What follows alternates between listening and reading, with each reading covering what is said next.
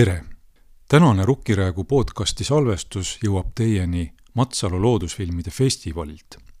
mina olen Veljo Runnel, tänane saatejuht ning räägin juttu tuntud loodusfotograafi, putukateadlase Urmas Tartesega. ja jutuks tuleb linnaloodus, linnalooduse pildistamine ja ka fotokonkurss Metsik linn, mida Tartu Ülikooli Loodusmuuseum ja Botaanikaaed sellel aastal juba viiendat korda korraldas. Eelmises Rukkiräägus esitas Urmas Kõljalg ühe seeneteemalise küsimuse ja nüüd on võimalik kuulda selle küsimuse vastust. ja õige vastus on, et Eestis on hetkel teada ligikaudu kaheksa tuhat seeneliiki, millele teadlased on andnud täpse liigi nime. tänase vestluse teema, podcasti teema on meil seotud äh, nii ütleme, kujutiste püüdmisega, kuna Matsalu loodusfilmide festivalil on ka traditsiooniliselt, eks ole, fotograafia teema ja alati on olnud töötoad ja näitused,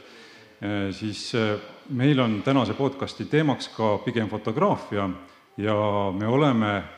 võtnud just linnalooduse, miks linnalooduse, sellepärast et Tartu Ülikooli Loodusmuuseumi botaanikaaed on juba alates kaks tuhat kuusteist korraldanud ühte fotokonkurssi Metsik linn. ja Urmas, sina oled olnud ka päris mitmel korral selle fotokonkursi žüriis, võib-olla isegi päris algusest peale. vist küll, jah. jah, nii et teenekas žürii liige ja, ja siis seoses selle selle konkursiga on väga palju põnevaid teemasid nii meil, ütleme, muuseumi sees tõstatunud kui ka võib-olla üleüldisemalt pildistamise mõttes ja linnalooduse mõttes ja, ja võtaks need teemad nüüd järjepanu ette, nii palju, kui me jõuame ja nii palju, kui meil mõtteid tekib. aga enne, kui, kui selle linnalooduse teema juurde läheks, et ma tahtsin natukene rääkida looduse pildistamisest tehnika võtmes mida me näeme ka tegelikult selle konkursi juures, et äh, pildistamine, looduse pildistamine on järjest lihtsam inimestele, kuna tehnika on muutunud, kui me võtame, ma ei tea, kakskümmend, kolmkümmend aastat tagasi, siis pidi, kui filmi peale pildistati, eks ole, siis pidi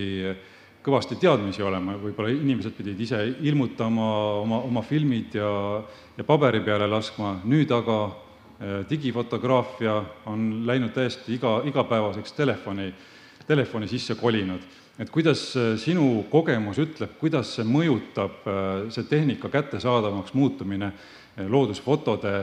kvaliteeti või ka kvantiteeti või loodusfotot üleüldse?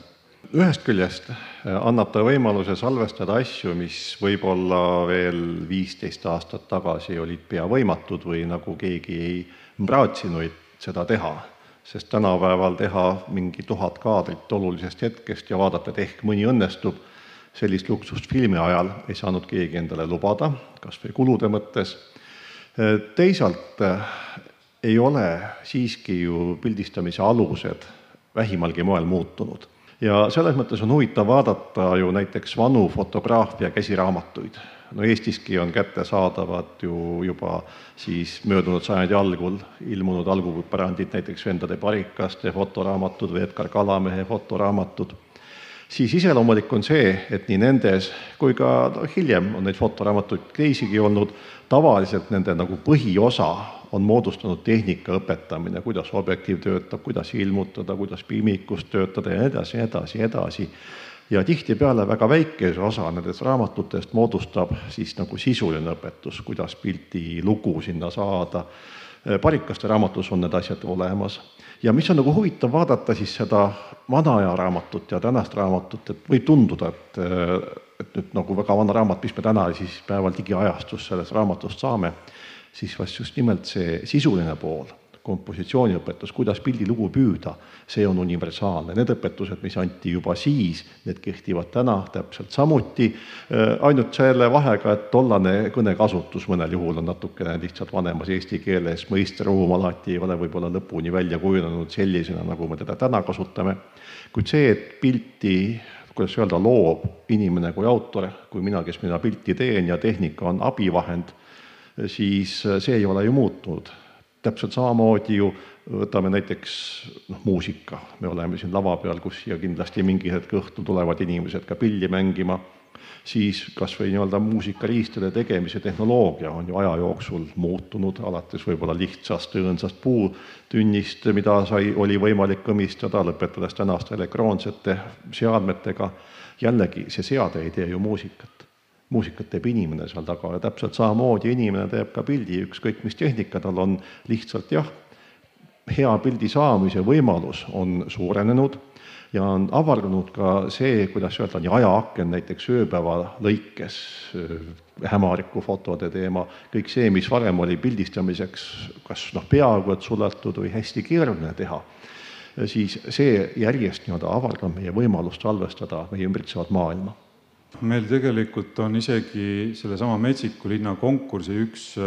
võidufotosid ühel aastal, oli vist kaks aastat tagasi, ka, telefoniga tehtud, nii et väga käte, käepäraste vahenditega, aga mit-, mida sa ütleksid nüüd, kui me räägime telefoniga pildistamisest, nutitelefoniga pildistamisest, et mis on võib-olla sealjuures need võtmenüansid, et kui inimene tõesti ei viitsi kaasas kanda peegelkaamerat, et, et ta ka telefoniga saaks sellise pildi, mida on hea teistele näidata, et kas, kas on seal pigem mingisuguseid pildistamise tehnilisi nüansse või pigem selliseid olemuslikke või kuidas objektile läheneda või millal välja minna objekti jahtima või pigem selliseid nüansse? mõnes mõttes on nutiseade linnalooduse salvestamise mõttes peaaegu et kõige parem fotoaparaat ja seal on väga palju eeliseid võrreldes siis sellise suure fotokoti või siis noh, klassikalises mõttes vahetatavate objektiividega kaamera, eks tänapäeval pole mõtet enam kasutada mõistet peegelkaamera või hübriidkaamera, vahetame objektiive ja need on suuremad aparaadid oma võimalustega. siis esimene noh, tegur, mida nutiseade annab oma eeliseks või mis on tema kasutamise vaieldamatu eelis, selliste linnapiltide ja nimetame siis pigem niimoodi, et linnaloodus, mida see tähendab. pilt peaks andma edasi nii seda linna tulnud looduslikku elementi kui ka linnakeskkonda, mis on siis rohkem või vähem inimese poolt sinna kujundatud, mis tähendab omakorda seda, et meil oleks vaja suhteliselt laia nurka tavaliselt ja ka suhteliselt suurt teravusulatust, et meil oleks võimalik need korraga saada ja nutiseade tänu oma tehnilistele iseärasustele on taoliste piltide tegemiseks kõige mugavam vahend, see on nagu, nagu üks pool. Äh, väga tihti sellise linnalooduse pildistamise puhul äh, me näeme selliseid pilte, mis ongi nagu tehtud selline, kuidas öelda, liigipilt ja, ja see pilt ise ei, ei ütle meile mitte midagi, kus see pilt tehtud on et noh, hästi inimene oli pildi tegemise hetkel linna geograafilistes piirides, siis on ühesõnaga me, meil jääb mulje, et see ongi linna looduse pilt, kuid äh, kui ma ei saa aru sellest pildist, et kas ta on linn või mitte, siis, siis see pilt nagu linnaloodust edasi ei kanna, seda lugu ta ei kanna. Äh, ta võib olla kuskil pildiseerias täiesti omal kohal, aga üksinda ta siis võistluse kontekstis, kus me vaatame pilti ükshaaval, siis ta nagu seda lugu ei kanna. ja, ja teine pool, mis nutiseadmetel on vaieldamatu eelis, on see, et äh, tundub paradoksaalsena, aga nutitelefonid on tänapäeva fotograafia tehnilise poole eesrinnas ja eesrinnas ennekõike tarkvaraliste lahenduste poolest noh, me teame, et äh, nutiseadmete,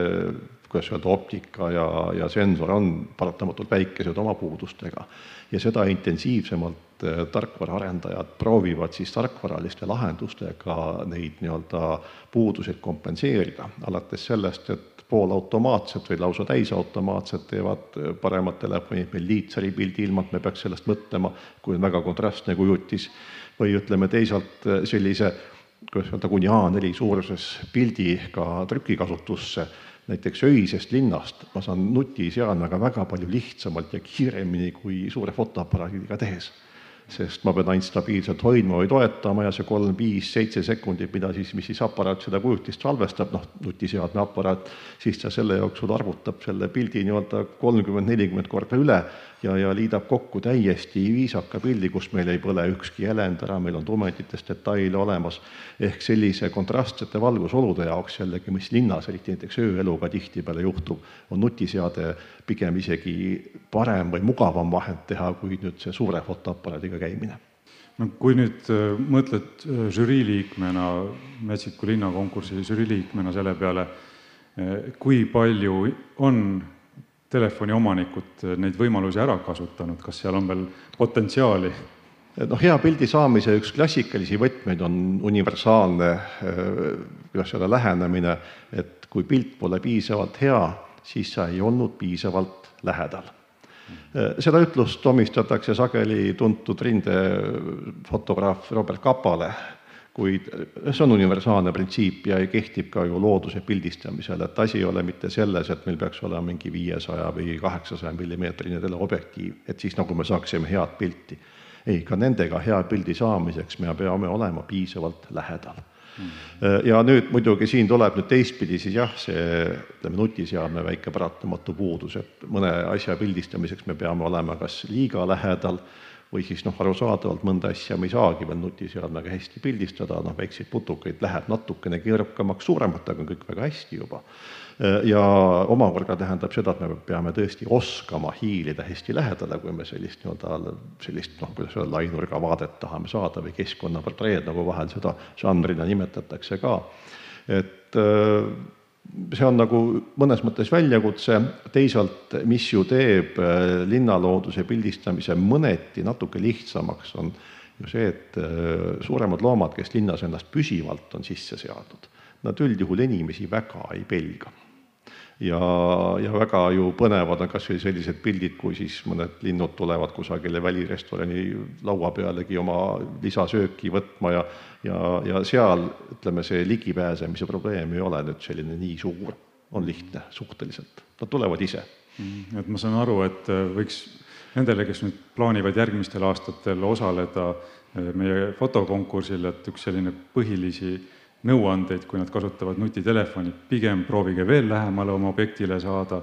võib-olla saab ägedamaid fotosid. no kuidas öelda, pildiloo suhtes on üks universaalne ju lihtne printsiip, et see pildilugu või kuidas öelda, need asjad, mis me pildi peale siis kaadrisse püüame, see lugu ju sõltub sellest, kui suurelt üks või teine asi on.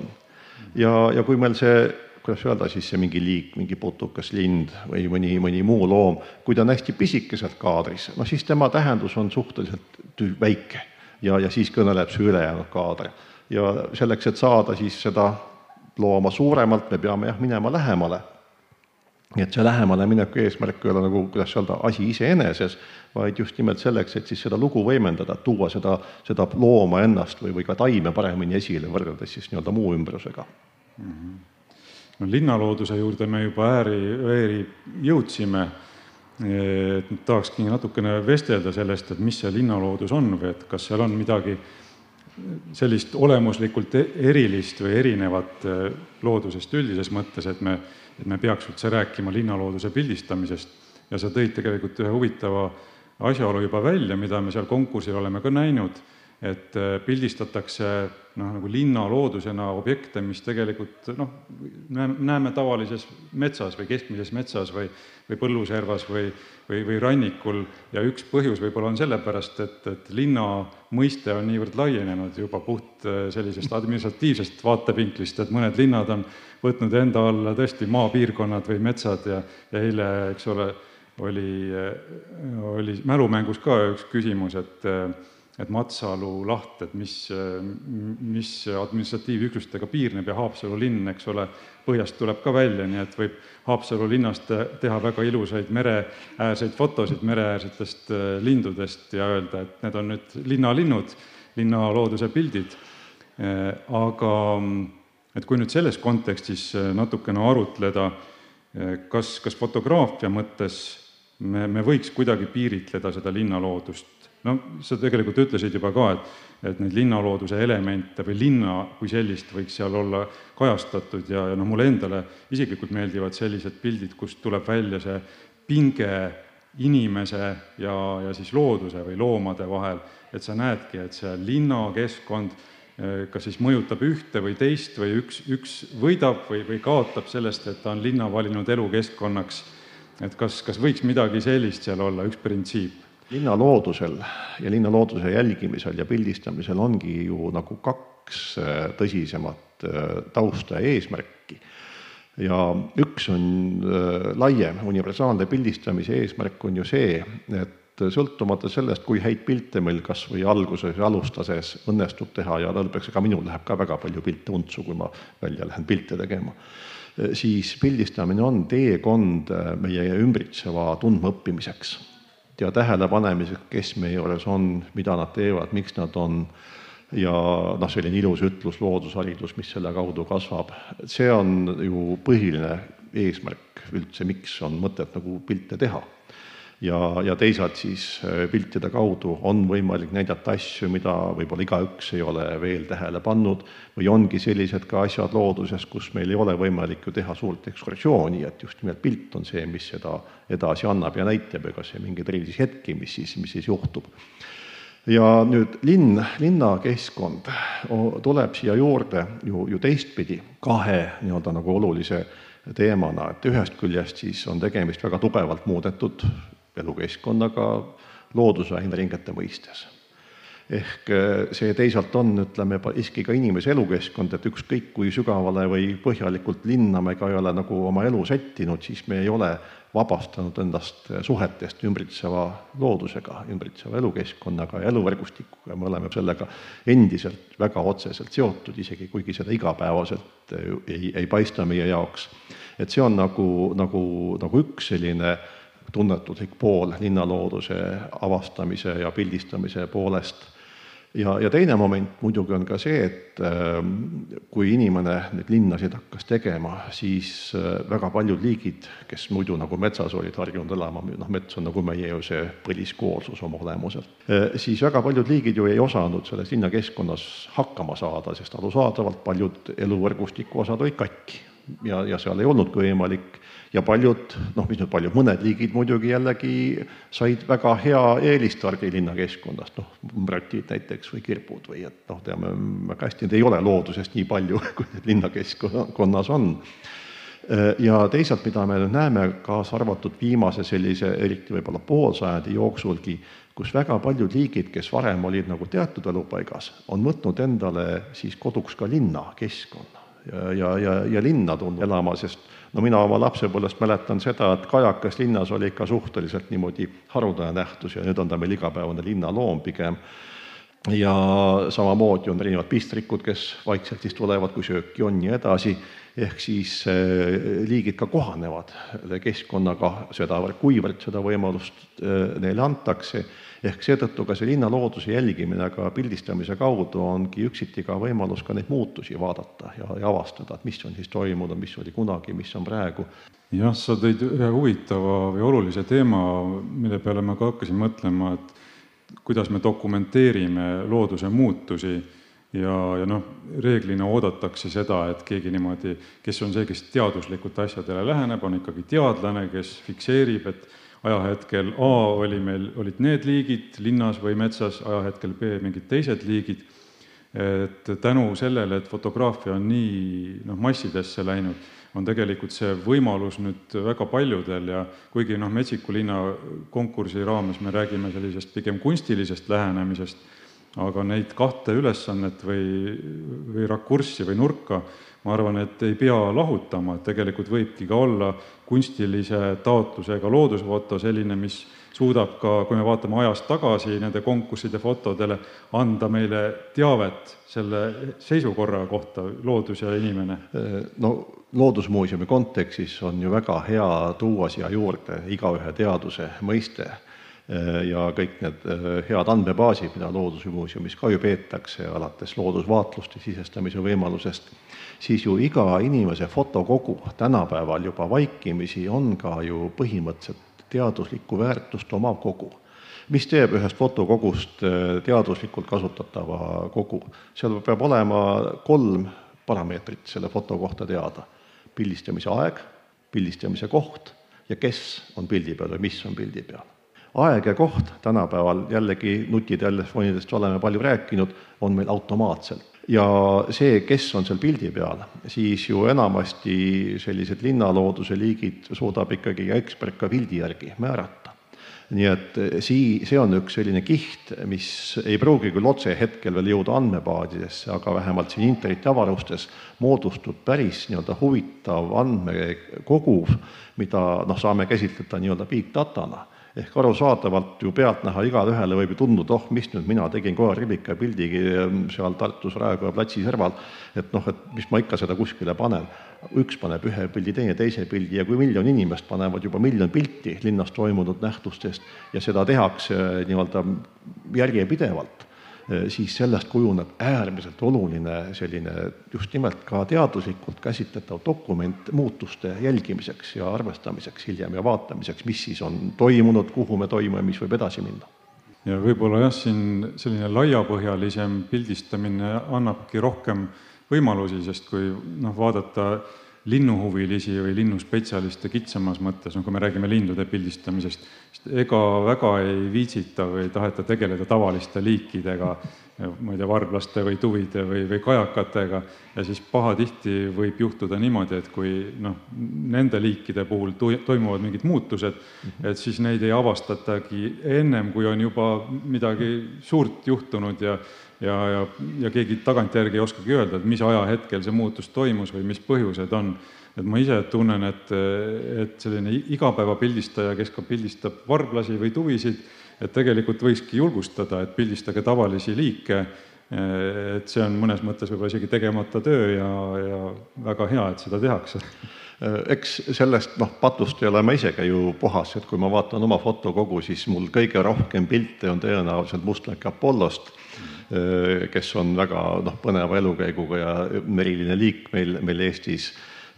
ja tõenäoliselt, mitte tõenäoliselt, palju vähem ongi mul näiteks sellest samast koerrivikast pilte mm. -hmm. ja kuid, kuid mis ei tähenda nüüd seda, et ma neid ei pildistaks, aga tihtipeale ma näen enda puhulgi seda olukorda, et vaatan, et oh, mul, mul on see pilt juba tõenäoliselt olemas, pärast vaatan, ei tegelikult ei ole selliseid asju küll, nii et pigem tehke alati pilt ära, kui kõhklete või mõtlete Äh, õnneks siiski äh, meil on võimalusi neid salvestada ja hoida. Ja, ja teisalt isegi ka võib-olla pilt, mis ei pruugi olla fotokonkursi mõttes noh, mingisugune auhinnapilt või ka seinapildina, siis just nimelt see olukorra fikseerimine, see liik siin ja praegu.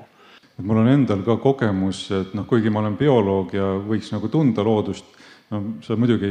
ükski, ükski bioloog ei suuda kõiki liike tunda, aga ma olen kasutanud ka just sellist fotopõhist abivahendit, et noh, neid on, neid on tegelikult jah, mitmeid keskkondi, aga et ma pildistan liiki, keda ma ei tunne hästi,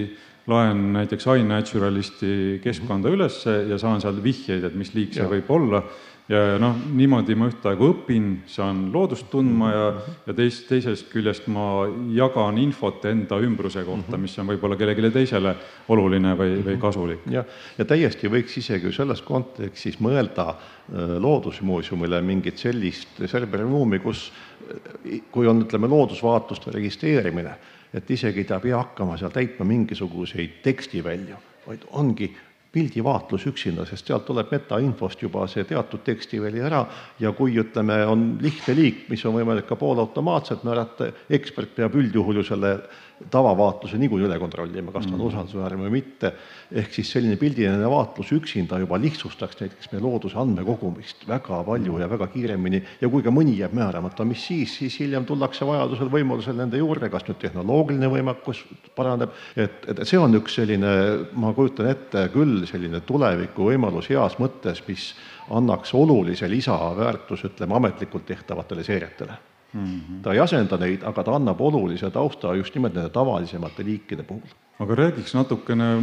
mõnest liigist ka, kes, kes võib-olla meelde tuleb linnaga seoses, et mulle endale tuleb, kui ma nüüd mõtlen, no me võime rääkida ka putukatest spetsiifilisemalt, ma olen ise ka tegelikult ju taustalt entomoloog ja ja linnaga seoses tegelikult on päris mitu kohtumist, ka sellist fotograafilist kohtumist meeles, et noh, näiteks siin viimaste aastate Äh, selline üks uudis äh, või, või uustulnukas äh, on paberisoomukas ja, ja esimene kord, kui ma teda nägin, siis noh, kohe oli, et telefon välja ja, ja pildistasin ja, ja siis vaatasin, et noh, foto oli selline dokumenteeriv, siis hakkasin juba sättima, et, et talle seda, just seda elukeskkonda juurde anda. mis, mis näiteid võiksid sina tuua, et noh, kas või siis võtame putukatest linnakeskkonnas, et äh, kellega on sul kogemusi olnud ja võib-olla ka sellist fotograafilist äh, tausta sinna juurde? no ma hakkan pihta kiskjatest, kes mulle kõigepealt meelde tulevad ja ka siin Lihulas oleme, et me võime siin Lihulaski leida neid samu liike. nüüd alates üheksakümnendatest kuni tänaseni on ju meil lisandunud kaks väga tuntud ämblikuliiki üks on väriämblik, kellest me enne üheksakümnendaid ei teadnud mitte midagi oma kodudest. teda ei olnud olemas, ta oli maailmas olemas, ta on looduses koopaämblik lõuna poolt natuke ja kes on siis meie siis keldrites üldjuhul ja niiskemates ruumides leidnud endale siis sellise toreda elupaiga ja Eestimaal kohtasin mina teda esimest korda Mahtra rahvakoolis selle sajandi alguses siis ma nägin teda juba Järve muuseumis ja siis selgus, et ohoo, meie enda Kortermäe keldris on täiesti esinduslik populatsioon tekkinud äkki, ühtäkki, enne, enne nagu üldse ei olnud ja siis äkki oli neid hästi palju. ja, ja loomulikult äh, kasutasime seda ka pildilise võimalusena ära. Ja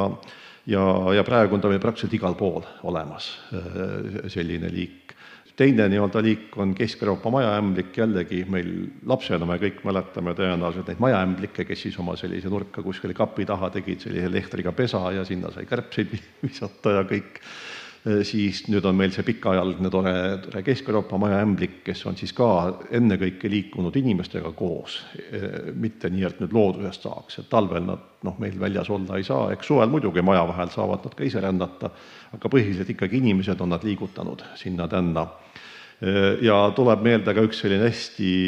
noh, selline lõbus naljakas juhtum endagi kodust, kus vannitoas oli üks äkki pisikene, nii poole millimeetri pikkune täpp liigub ringi ja ja siis äh, tekkis huvi, kes on, tegin tast pildi ja, ja saatsin pildi muidugi siis äh, ka ülikooli loodusmuuseumi entomoloogidele ja sain vastuseks kohe elementaarse, tavalise oodatud vastuse, et püüa kinni ja too noh, isend. No kõik arusaadav, kõiki ju me ei saa määrata pildi järgi ja, ja siis ma ühe tegin südame kõvaks, püüdsin ühe kinni ka. Ja selgus, et oli üks tore kõdutäi ja see oli esmasleid Eestist. et eh, siis mul oli kodus väga tore hea argument öelda, et me ei tohi vannituba nii tihti remontida, et meil on vääris elupaik seal. Et, et need on nagu sellised eh, inimkaaslejatest ennekõike näited, kes on meile siis hästi niimoodi järjest tulnud ja noh, teine pool on muidugi arusaadavalt kliima soojenemisega äh, tulenenud, sellest tulenenud muutused, kus siis ikkagi liikide leviku areaalid järjest, liiguvad põhja poole ja linn on selles mõttes nagu ju sammukese alati ees, sest linnakeskkond on soojem keskeltläbi kui äh, mets seal kõrval. Selle värijäämblikuga, mul endal tuleb ka üks kodune värijäämbliku juhtum meelde, noh, tema nimi, eks ole, peaks vist tulenema sellest, et ta väristab ennast, kui teda häirida. ja, ja see on noh, kohe nii silmatorkav ja nii, nii põnev tegelikult jälgida, et ma üritasin filmida seda, et ka noh, kohe midagi, mis looma käitumises kutsub lausa jäädvustama. mõõdukas lohakus on alati kui liigne hoolikus, see on küll üks asi inimesed tihtipeale mõtlevad, et oi, et nüüd inimtegevus mõjub elurikkusele halvasti, mis ühest küljest on õige, kuid inimtegevus ei tähenda nüüd seda, et ta mõjub halvasti kõikidele ühtlaselt ja võrdselt. alati on liike, kelle jaoks üks või teine inimtegevus sobib. tekibki elukeskkond, kus nendel on piisavalt toitu ja väga palju vähem looduslikke ärasööjaid teema, mis linna kontekstis ka sellega võiks seonduda ja mida sa tegelikult mainisid ka, et et lõunapoolsed liigid, eks ole, tulevad, on meil järjest rohkem neid ja, ja tegelikult on juba ka infot, me teame, et, et ka haigusi levitavad sääsed ja, ja teised putukad järjest lähenevad Eestile ja kuidas sul endal tunne või hinnang on, et kui palju me peaks selle pärast muretsema? liikide kauglevi, sealhulgas ka haiguse tekitajate kauglevi on sama vana kui loodus ise. ainuke vahe on see, et kui meil on väga tasakaalust välja nihutatud loodus vot siis siia sattunud siis võõrliigid, me nimetame neid niimoodi, on lihtsam paigale jääda. kui meil on tasakaalus näiteks metsakooslus, seal me näe, ei näe väikesõrgist lemmaltsa, lähme raiesmikule täis. kui me ei lase seal kasvada normaalsel kooslusel, siis seal tekivad tühimikud, kus saavadki tuli, uued tulijad paigale ennast sättida ja see on, see on nagu üks nii-öelda ju tegur, mis äh, väga otseselt haakub nii-öelda ka linnakeskkonna elurikkuse hoidmisega, et mida rohkem me niidame, seda rohkem me loome elupaiku tulnukatele ja nendega tulevad omakorda kaasa järgmised mikroorganismid, tulevad ka viirused. et, et see on olnud ja see jääb olema kui me mingi aeg teeme hästi lakituks mingi nii-öelda ala, hästi nii-öelda siledaks, siis see ühel hetkel tähendab, et kui seal mingisugune tasakaalunihe muutub, kollabeerub kogu ko kooslus. no meil on traditsiooniliselt podcasti lõpus ka küsimus kuulajaile, et siis äh, sellest podcastist järgnevas äh, saab vastuse teada. Urmas küsib ühe väga vahva küsimuse minul oli õnn seda kuulda juba, aga palun esita see ka meie kuulajaile Äh, on meil üks selline tore film nimega Viimne reliikvia. Ja seal on üks stseen, kus äh, mungad, kes siis tegelevad äh, raamatute paljundamisega tollal, nagu ta oli, siis ju käsitsi kirjutati ringi ja, ja, ja neid tõlgendati. seal on siis stseen, kus üks putukas ronib üle raamatu lehe. Ja nüüd küsimus ongi lihtne, et vaadake see lõik üle, palun siis saatke vastus, kes seal siis üle raamatu kõndis suur tänu, Urmas, selle toreda vestluse eest ja jälle kuulmiseni siis kõik Rukkiraevu kuulajad